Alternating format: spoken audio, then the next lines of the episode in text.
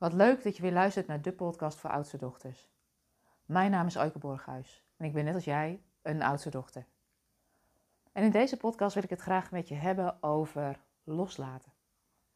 Want we zitten nu in de periode dat de herfst bijna is afgelopen en we richting de winterperiode gaan. Wat je merkt is dat de dagen korter worden en de nachten worden langer. En in deze periode zie je vaak dat je in je werk nog voluit probeert te gaan. Tot aan het eind van december, tot aan de vakantie probeer je vaak nog dingen af te ronden. Daardoor heb je vaak ook focus en is het best een hele productieve tijd. De vraag is alleen ook in hoeverre je goed zorgt voor jezelf. Want als je eigenlijk kijkt naar wat de natuur doet, is de dagen worden korter en de nachten worden langer. En hoe zorg je eigenlijk voor jezelf? Ga je daar dan ook een beetje mee met het ritme van de seizoenen waarin je loslaat? Of denk je dat het altijd zomer is? Een valkuil waar ik zelf nog wel eens intrap is dat ik inderdaad net doe alsof het zomer is, zo in deze periode van het jaar.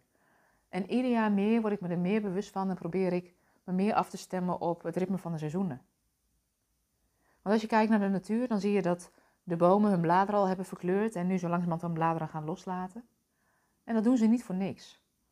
Dat doen ze zodat ze in de winterperiode dieper kunnen groeien. Dat ze hun basis, hun stevigheid kunnen verstevigen en dat die wortels nog verder de grond in kunnen. En voel maar eens even bij jezelf na in deze periode, waar ligt eigenlijk jouw behoefte?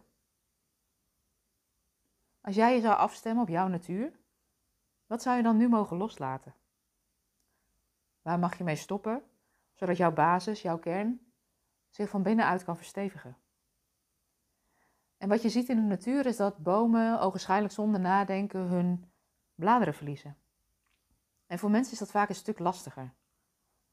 Dus stel jezelf maar eens de vraag: wat zou je mogen loslaten in je werk? Wat zou je mogen loslaten in samenwerkingen die je misschien niet meer dienen? Wat zou je mogen loslaten aan alle spullen die je in huis hebt? Welke mensen mag je misschien wel gaan loslaten? En welke patronen die je nu nog zo goed kent, zou je misschien wel willen loslaten? Het kan je helpen om die dingen die je wil loslaten eerst van binnen te nemen. Dus dat je besluit neemt, weet je, dit zijn de dingen die me niet meer dienen, die wil ik loslaten. En kijk maar eens bij jezelf wat er gebeurt als je jezelf de toestemming geeft om datgene los te laten wat niet echt meer bij je past. Wat je niet meer dient. Want als je te veel ballen in de lucht houdt of blaadjes aan de boom houdt, dan belemmert je dat ook om door te kunnen groeien. En dat loslaten, dat gaat niet zo vanzelf, want je weet wat je hebt en je weet niet wat je krijgt als je loslaat. Er kunnen allerlei emoties bij loskomen. Misschien voel je wel angst, misschien voel je wel spanning. Misschien komen er allerlei gedachten of overtuigingen op waarom je het niet zou kunnen of niet zou moeten loslaten. En wat er vaak gebeurt is dat we die gevoelens die daarbij komen kijken niet willen voelen. Dus die gevoelens van angst, die gevoelens van onzekerheid, misschien wel van zelftwijfel, die drukken we als het ware weg. Als we het er niet over hebben, dan is het er niet. Maar zo werkt het vaak niet. Want als je kijkt naar wat loslaten betekent, dan betekent het vaak ook dat je een prijs betaalt. Je laat iets los wat je heel lang heeft gediend en ja, dat, daar hoort verlies bij. Misschien ook wel rouw. En het kan ook zijn dat als je een nieuwe keus gaat maken, dat je ontrouw wordt aan het systeem waar je nu nog bij hoort. Misschien ga je iets anders doen dan dat je het in het gezin van herkomst hebt geleerd. Of misschien ga je iets anders doen als dat je in de organisatie altijd is, is geleerd. Als jij besluit dat je bijvoorbeeld je baan wil gaan loslaten in het komende jaar, en dat hoeft alleen nog maar innerlijk, dan kan het zijn dat je ergens al voelt van ik hoor daar minder bij of ik word ontrouw aan de mensen met wie ik nu nog samenwerk. En ik wil je daarom ook uitnodigen dat als je voelt dat dat loslaten best wel spannend is en dat je dat gevoel eigenlijk liever niet wil voelen, om daar juist wel eens met je hele aandacht naartoe te gaan. Om die onzekerheid gewoon even er helemaal te laten zijn. Om die onrust er helemaal te laten zijn. Om die zelftwijfel er helemaal te laten zijn. Je merkt dan vaak als je dat doet, dat die emotie of dat onderdrukte gevoel daarna minder om aandacht hoeft te vragen. Want als je dingen gaat doen die je spannend vindt, dan schiet je vaak ook met je ademhaling wat omhoog en dan schiet je ook wat makkelijker in je hoofd. Terwijl als je met je aandacht naar dat gevoel toe gaat, en het helemaal doorvoelt, dan wordt het daarna vaak minder. Als je iets loslaat, dan raakt er iets verloren. Dat is een prijs die je betaalt. En soms kan het ook fijn zijn om eens te kijken wat is de winst die het je oplevert als je andere keuzes gaat maken. En de valkuil die veel mensen kennen, maar ik ken hem in ieder geval bij oudste dochters, is dat we denken dat we die ruimte die vrijkomt meteen moeten opvullen. En ik zou je juist eens willen uitnodigen om dat niet te doen. Om je niet meteen weer vast te leggen in een nieuwe cursus of in een nieuwe opleiding of wat dan ook, maar om jezelf eens de ruimte te geven om het gewoon eens te gaan ontdekken. Doe eens ergens een proefles. Um, ga eens een keer een schilderles volgen, online of misschien wel met een paar vriendinnen samen.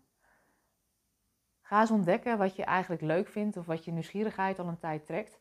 En heb plezier terwijl je bezig bent. Dus focus je op het doen zelf in het hier en nu in plaats van op wat het op moet leveren. Wat je zult merken is als je wat meer op onderzoek uitgaat, is dat je op een gegeven moment vanzelf al een ingeving krijgt van, oh, ik zou dit nog wel eens willen doen of ik zou dat nog wel eens doen. En zo kun je stap voor stap gaan ontdekken wat je, ja, misschien wel je volgende stap is. En misschien is het ook wel juist die ruimte gewoon vrij houden.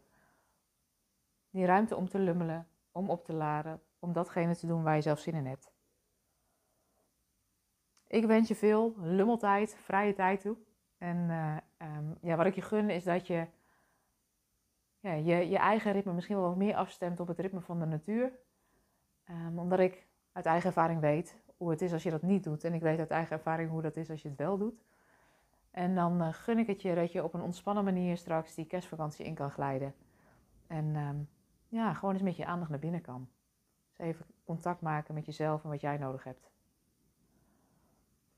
Nou, in deze podcast hebben we het gehad over loslaten, over wat het je oplevert, maar ook de prijs die je betaalt. Um, nou, ik denk dat het je kan helpen als je daar wat bewuster van bent. En um, nou, daarmee wil ik hier eigenlijk de podcast mee afronden. Vond je deze podcast nou interessant? Uh, weet dat je altijd kan abonneren. Dan ontvang je een berichtje als er weer een nieuwe aflevering online staat. En misschien ken je wel een oudste dochter die dit bericht goed kan gebruiken. Uh, stuur de podcast dan gerust door. Voel je nou dat je wel wat hulp zou kunnen gebruiken bij het loslaten? Weet dat je ook altijd even contact met ons kan opnemen uh, op de website www.oudstedochter.com. Dat kan via het contactformulier. Maar je kan ook even een mailtje sturen naar info.oudstedochter.com. Voor nu wens ik je een hele fijne dag.